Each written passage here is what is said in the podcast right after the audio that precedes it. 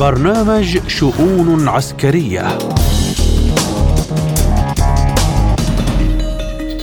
من إذاعة سبوتنيك بموسكو أرحب بكم مستمعينا الكرام. أينما كنتم في حلقة جديدة من شؤون عسكرية أقدمها لكم اليوم أنا محمد جمعة وأبدأها بالعناوين.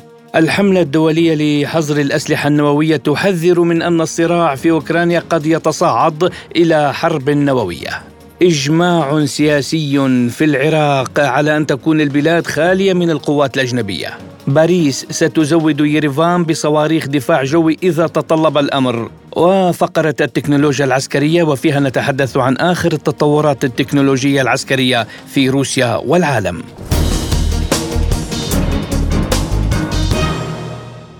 نعم الحملة الدولية لحظر الأسلحة النووية تحذر من أن الصراع في أوكرانيا قد يتصاعد إلى حرب نووية. قالت آه، أليسيا ساندرز زاكر منسقة السياسات والأبحاث في الحملة الدولية للقضاء على الأسلحة النووية بأن الصراع في أوكرانيا يمكن أن يتصاعد عن قصد أو غير قصد إلى حرب نووية مع تزايد السلوك الخطير. سبق أن قال مندوب روسيا الدائم لدى الأمم المتحدة في جنيف جينادي جاتيلوف بأن الخطر النووي الأكبر ينبع حاليا من استراتيجية التصعيد التي تنتهجها الولايات المتحدة وحلف شمال الأطلسي في الأزمة الأوكرانية والتي قد تؤدي إلى مواجهة عسكرية مباشرة بين القوى النووية. وللحديث أكثر حول هذا الموضوع نستضيف معنا من الأردن الباحث الأكاديمي والخبير بشأن روسيا الدكتور حسام العتوم. أهلا بك دكتور حسام في شؤون عسكرية. أهلا بك سيدي أهلا. أبدأ معك من تحذير الحملة الدولية لحظر الأسلحة النووية من أن الصراع في أوكرانيا قد يتصاعد إلى حرب نووية، دكتور ما هي خلفية هكذا التصريحات؟ هل هي جدية أم فخ؟ غربي لاستدراج روسيا نحو خطوة نووية وإدانتها عالميا؟ آه نعم سيدي أشكرك على هذا السؤال آه الهام وهو المحتاج ل يعني آه اختصاص دقيق ولخبراء في الحديث عنه لكن من الزاوية السياسية وأنا أتابع يعني حدث الحرب أو العملية الروسية ال ال الأوكرانية ومع الناتو بالوكالة آه، يعني بشكل دائم يعني الآن الأمور وصلت إلى آخر التحذيرات التي استمعت إليها من آه، النائب رئيس مجلس الأمن القومي دمتري ميدفيديف عندما قال بأننا بأن الخطوة التالية هي الوصول إلى كييف لإنهاء الحرب ولتحقيق أهداف العملية الروسية الخاصة بمعنى استفاف التطرف في داخل أوكرانيا وإنهاء ملف الحرب. هذا الموضوع طبعا سيقود إلى تأجيج الغرب وتأجيج أمريكا واتهامات جديدة لروسيا آه، بأن آه، يعني الأمور آه، تسير باتجاه التصعيد بدلا من توقيف الحرب طبعا روسيا مع وقف الحرب لكن الغرب يملي على كييف شروطه الخاصة مثلا بإعادة روسيا إلى ما قبل العملية إلى ما قبل 2014 وهو المستحيل بالنسبة لروسيا التي تصدت للحرب وقدمت الشهداء. والآن ماذا سيجري؟ هو خاصة في قمة سويسرا في الربيع المقبل والتي لأول مرة تدعى روسيا أو ستدعى روسيا إليها. إذا روسيا لم تقبل إلا بسلام الأمر الواقع وهي المنتصرة والجانب الأوكراني عليه أن يتفهم ذلك ولا يستطيع أن يفرض شروطه على روسيا. حتى لا تتطور الأمور يعني بشكل أكبر. والآن أنا ألاحظ أنه في زيارة آه ممكن تكون هي مفاجئة أيضا لدمتري ميدفيديف لجروزني. وفي السابق طبعا الرئيس الشيشاني أعلن بأنه جاهز للوصول إلى كييف.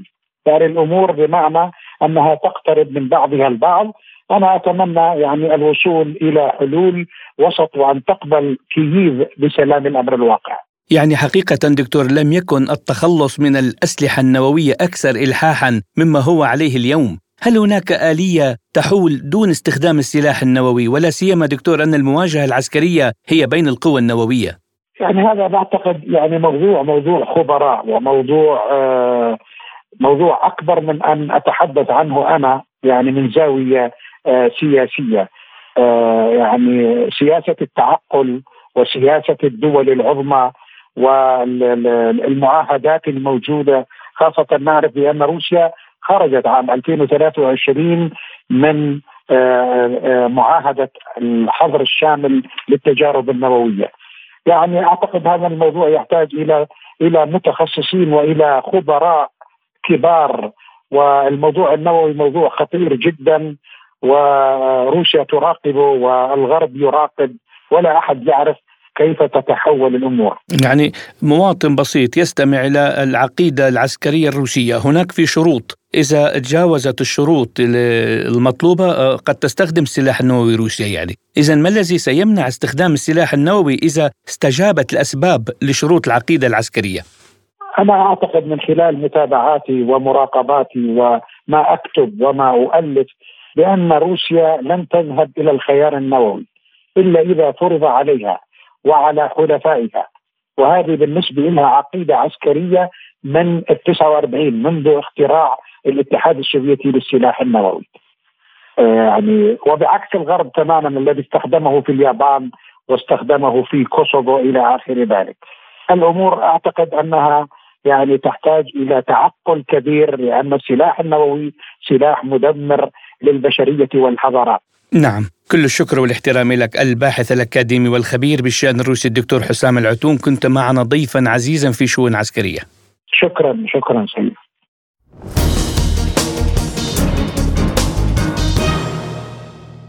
وإلى العراق حيث أكد مستشار الأمن القومي العراقي قاسم الاعرجي بأن الحكومة تنتظر نتائج لجان تقييم الوضع في العراق مشيرا إلى أن وضع التحالف الدولي قضية داخلية تحددها الحاجة العراقية. قال الاعرجي إن هناك اجماعا سياسيا على أن يكون العراق خاليا من القوات الأجنبية، وأكد أن الحكومة الاتحادية ستبرم اتفاقيات أمنية ثنائية مع دول قوات التحالف الدولي كرد الجميل على ما قدمته للعراق في الحرب ضد تنظيم داعش الإرهابي والذي سيتمثل ذلك في عقد اتفاقيات أمنية ثنائية مع دول التحالف الدولي. للحديث أكثر عن هذا الموضوع ينضم إلينا من بغداد الخبير العسكري الاستراتيجي مدير مركز الاعتماد للدراسات السياسية والاستراتيجية الدكتور عماد علو. أهلا بك دكتور عماد في شؤون عسكرية. وأبدأ معك من الإجماع السياسي في العراق على أن تكون البلاد خالية من القوات الأجنبية. يعني هل يمكن أن نشهد انسحابا حقيقيا فعليا للقوات الأمريكية من العراق؟ بالحقيقة لا يوجد آه، يعني آه، حديث واضح رسمي عن انسحاب القوات الأمريكية من العراق. آه، ما يطرح من خلال التصريحات الرسمية للحكومة العراقية وأيضا للإدارة الأمريكية وقيادة التحالف الدولي لمحاربه داعش هو إنهاء مهمة التحالف الدولي لحرب داعش الإرهابي في العراق. وهذا ما يدور حوله النقاش والتفاوض في إطار اللجنة الثنائية العراقية الأمريكية التي بدأت أعمالها وعقدت اجتماعين لحد الآن. والرسالة التي آه، أشار إليها السيد رئيس مجلس الوزراء محمد الشاع السوداني في مؤتمره الصحفي الأخير حول آه، والتي تسلمها من الإدارة الأمريكية والتي وافقت بها الإدارة الأمريكية على وضع جدول زمني انهاء مهمة التحالف الدولي في الحرب ضد تنظيم داعش الإرهابي الذي تشكل بشرعية من آه، مجلس الأمن الدولي وبدعوة من الحكومة العراقية. آه، أشار السيد رئيس مجلس الوزراء في عدة تصريحات في مؤتمر يونخ الأخير إلى أن التعاون بين العراق وحلف الناتو آه، باقي ومستمر وهذا يعني أنه تستمر آه، فرق الاستشارة والتدريب التابعه لحلف الناتو آه، في تواجدها في العراق. الشار الذي يطرحه أو تطرحه الحكومة العراقية هو الذهاب إلى عقد الاتفاقات الثنائية بعد إنهاء مهمة التحالف الدولي للحرب ضد تنظيم داعش الإرهابي اتفاقات ثنائية مع الدول التي لديها قوات عسكرية موجودة على الأراضي العراقية علما أن هذا التحالف هو يتكون من أكثر من 60 دولة ولكن ليس معظم هذه الدول لديها قوات أو مستشارين أو مدربين موجودين على الأراضي العراقية لكن هناك بعض الدول الأوروبية دول أيضا لها عضوية في حلف الناتو. ولذلك فإن آه، الرؤيه قد تبدو غامضة غير واضحة لمستقبل وجود القوات العسكرية آه، وطبيعة العلاقة التي ستكون بينها وبين القوات المسلحة العراقية والحكومة العراقية في المستقبل. إذا ما هي التداعيات المحتملة لانسحاب القوات الأمريكية من العراق وأقصد عودة داعش للظهور من جديد؟ بالنسبة للتداعيات فيما لو ذهبت الحكومة إلى قطع العلاقة مع الولايات المتحدة الأمريكية وهذا غير وارد حتى في النقاش يعني وغير وارد من خلال التصريحات ومن خلال الرغبة في تطوير التعاون وأيضا في الزيارة القيام بها من قبل السيد رئيس مجلس الوزراء إلى واشنطن. لا توجد مؤشرات على أي تداعيات أو على أي اتجاه ومسار في السياسة أو في تغير السياسة العراقية تجاه الولايات المتحدة الأمريكية حيث أن أي خروج للولايات المتحدة الأمريكية بقواتها من العراق قد يكون له تداعيات سلبية تتعلق بالوضع الداخلي الأمني وأيضا بعزله للعراق نتيجة اتخاذ مواقف سلبية من قبل حلفاء آه، الولايات المتحدة الأمريكية، لكن نعود ونقول مرة أخرى أن هذه أن هذا المسار غير وارد اطلاقا ولا يوجد أي مؤشر واضح عليه في الوقت الراهن، الحديث يدور كله حول إنهاء مهمة التحالف الدولي الحرب ضد تنظيم داعش وهناك فرق شاسع بين إنهاء مهمة تحالف تشكل بشرعية من مجلس الأمن والأمم المتحدة وبين وجود القوات الأمريكية التي لديها اتفاقية هي اتفاقية الإطار الاستراتيجي وأيضا اتفاقات أمنية أخرى آه، مع الحكومة العراقية ولديها مستشارين ومدربين ولديها علاقات طيبة مع الحكومة العراقية. هناك آراء تقول إن الانسحاب الأمريكي من العراق سيزيد من شكوك الحلفاء الإقليميين في مصداقية الحليف الأمريكي كيف ترى دكتور هذا الطرح برأيك؟ يعني بالتأكيد الولايات المتحدة الأمريكية فيما لو تركت العراق يقع بيد أعداء الولايات المتحدة المتمثلين بإيران حاليا وبالصين وروسيا آه، فبالتأكيد آه، هذا سوف يزعزع من موقف ووضع الولايات المتحدة ومصالحها في منطقة الشرق الأوسط آه، أمام أو إزاء حلفائها خاصة دول الخليج وأيضا بقية الحلفاء في المنطقة مثل مصر والاردن وتركيا وغيرها. ولذلك لا أعتقد الولايات المتحدة الأمريكية سوف تتخلى عن العراق أو تتخلى عن شرق سوريا آه، في ضوء التنافس على المصالح خاصة والثروات النفطية والغازية في منطقة الشرق المتوسط آه، التي تأخذ أهمية كبيرة على المستوى الجيو استراتيجي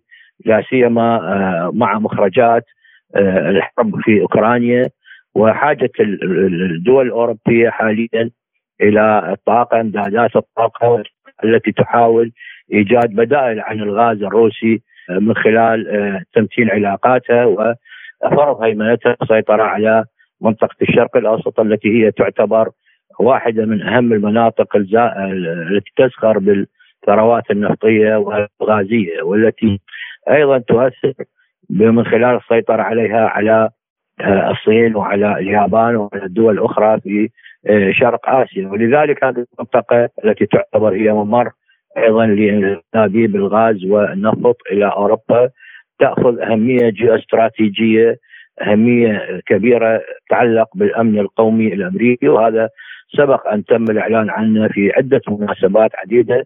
وفي ضوءه تم تشكيل قوى التدخل السريع في زمن آه، جيمي كارتر كما يعلم الجميع. كيف ستضع روسيا والصين وإيران الترتيبات الأمنية والسياسية في العراق وسوريا في مرحلة ما بعد الانسحاب الأمريكي؟ يعني هذه المسألة بالحقيقة هي سابق لاوانها لأنه لا يوجد انسحاب أمريكي. الدول هذه الدول لديها علاقات ثنائية وليست علاقات تحالف مع العراق أو آه، سوريا مثلا. إذا نأتي إلى العراق وهو موضوع ليس سوريا يعني هناك علاقات متينة بين العراق وإيران وهناك أيضا علاقات تعاون بين روسيا والعراق وقبل أيام ظهر أو قبل يومين بالحقيقة ظهر على التلفاز السيد السفير الروسي في بغداد وأشار إلى متانة هذه العلاقات واستعداد روسيا لدعم العراق في مستوى في مختلف المستويات الاقتصادية والسياسية وحتى العسكرية ولكن هناك تحديد فيما يتعلق بالتسليح الروسي إلى العراق بسبب الحرب في أوكرانيا.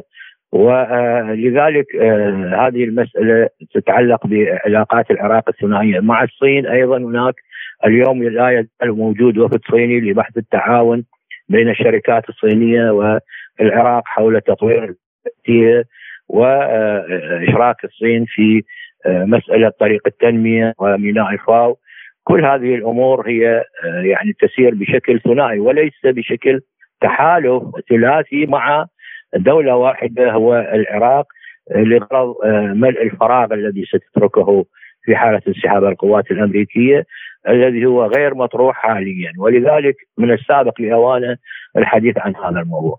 الخبير العسكري الاستراتيجي الدكتور عماد علو كنت معنا ضيفا عزيزا في شؤون عسكرية شكرا لكم.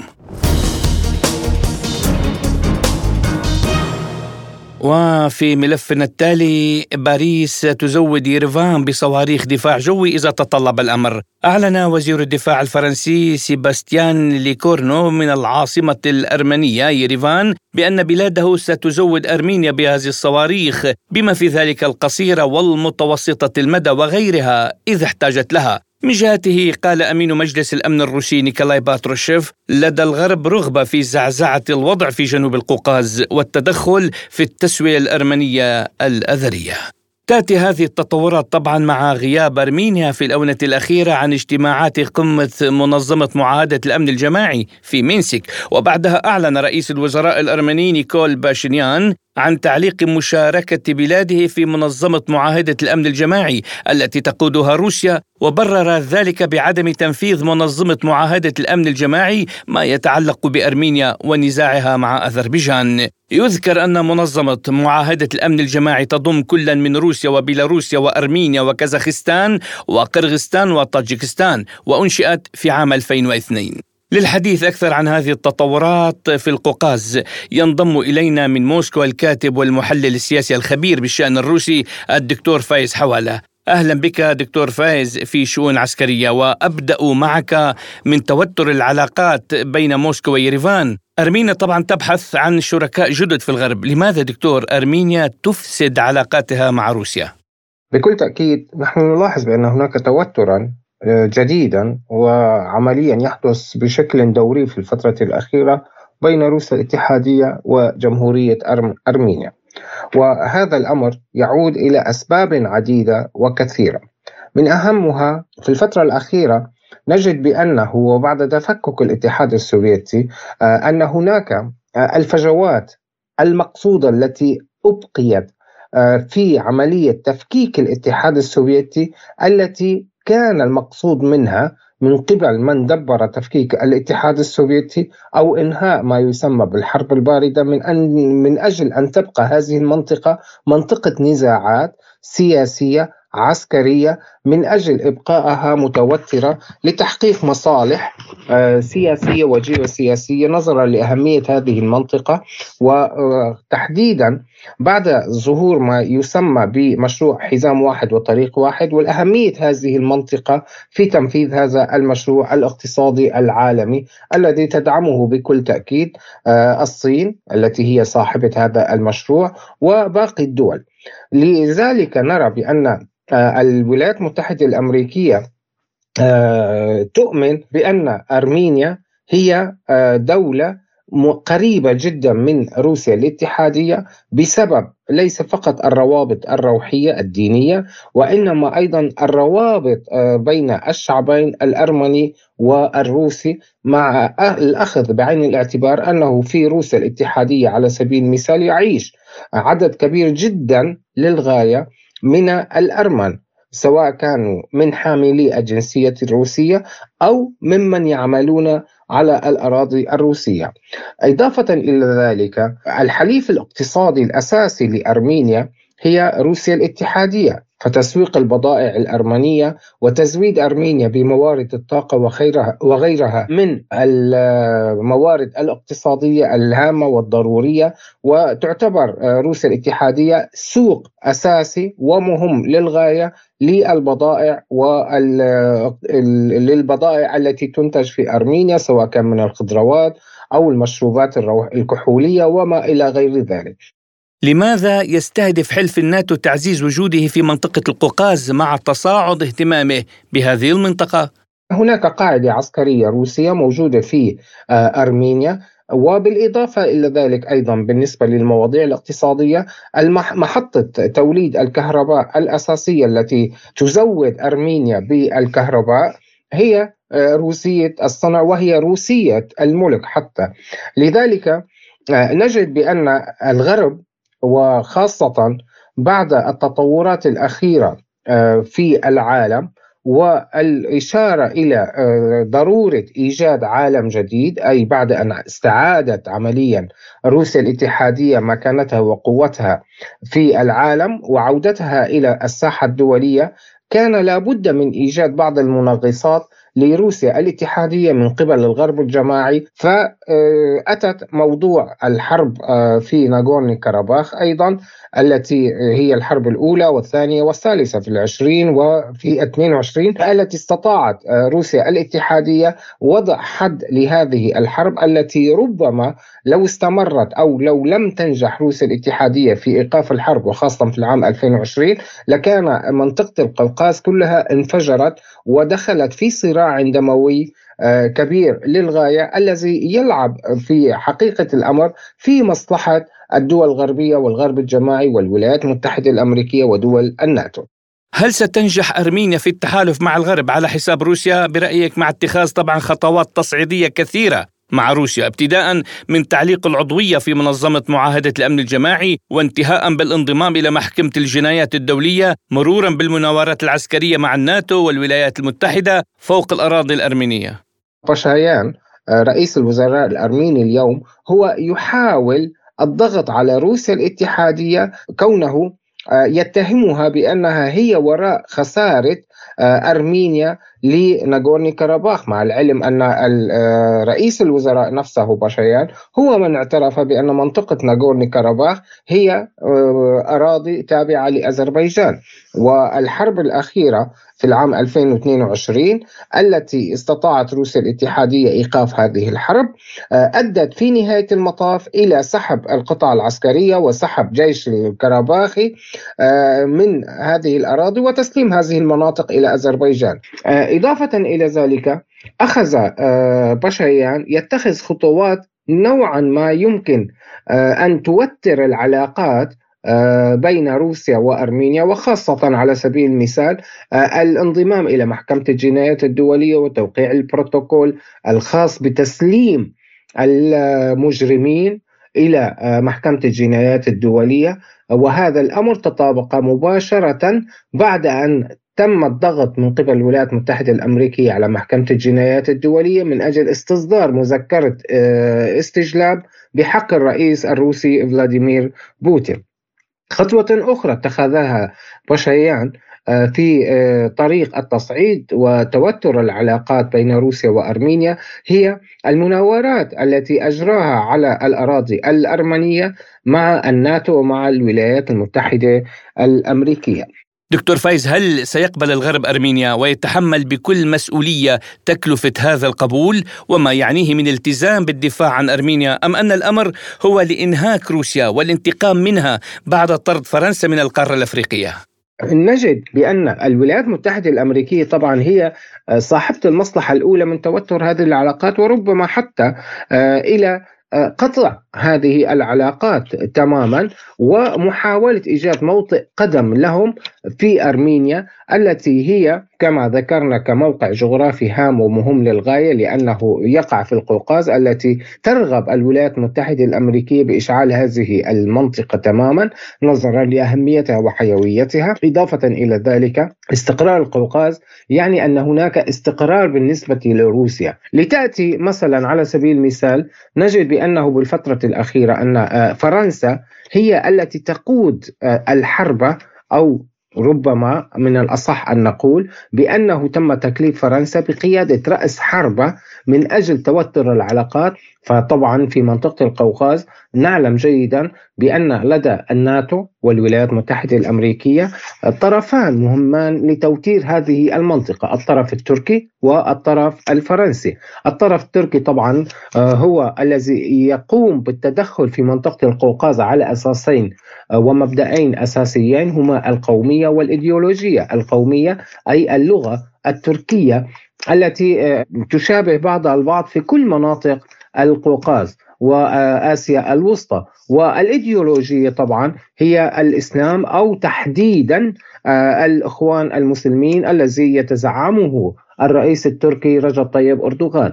أما بالنسبة لأرمينيا وفرنسا فطبعا نعلم جيدا بأن فرنسا تعتبر دولة مسيحية على سبيل المثال وكذلك هم يعتبرون أن أرمينيا دولة مسيحية. لذلك تم تكليف على ما يبدو فرنسا التي تعتبر أن تدخلها في آه، أرمينيا مهم للغاية وهو نوع من الانتقام من روسيا الاتحادية التي استطاعت روسيا طبعا أن تدعم الدول الأفريقية التي كانت محتلة بشكل غير مباشر من قبل فرنسا، لذلك فهي ترى بأنه يجب على فرنسا أن تنتقم من روسيا الاتحادية. وأكبر دليل على ذلك أن فرنسا تحاول اليوم تزويد آه، أرمينيا بالأسلحة العسكرية منها المضاد آه، مضادات الدفاع الجوي والدبابات وغيرها من آه، أنواع الأسلحة. الكاتب والمحلل السياسي الخبير بالشأن الروسيه الدكتور فايز حواله كنت معنا ضيفا عزيزا في شؤون عسكرية.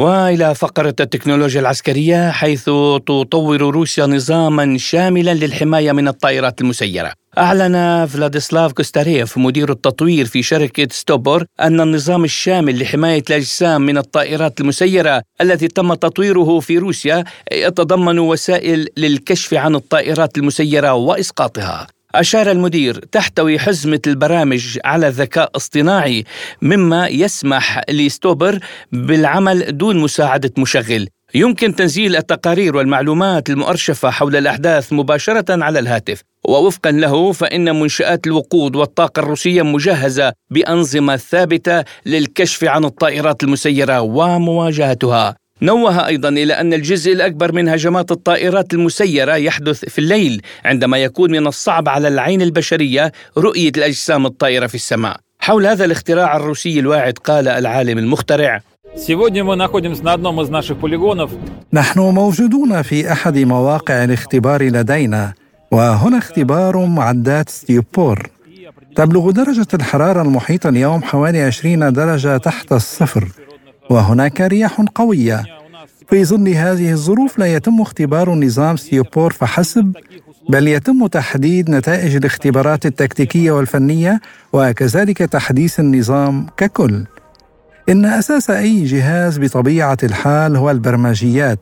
يعد برنامج باك ستيبور فريدا من نوعه لأنه يمكن على متنه تنظيم بنية ليس فقط المعدات الخاصة به التي تنتجها ستيبور ولكن أيضا معدات الطرف الثالث وبالتالي توسيع الأنظمة وتوسيع نطاقها داخل منشأة معينة. مستمعينا الأفاضل إلى هنا تنتهي حلقة اليوم من شؤون عسكرية. كنت معكم أنا محمد جمعة.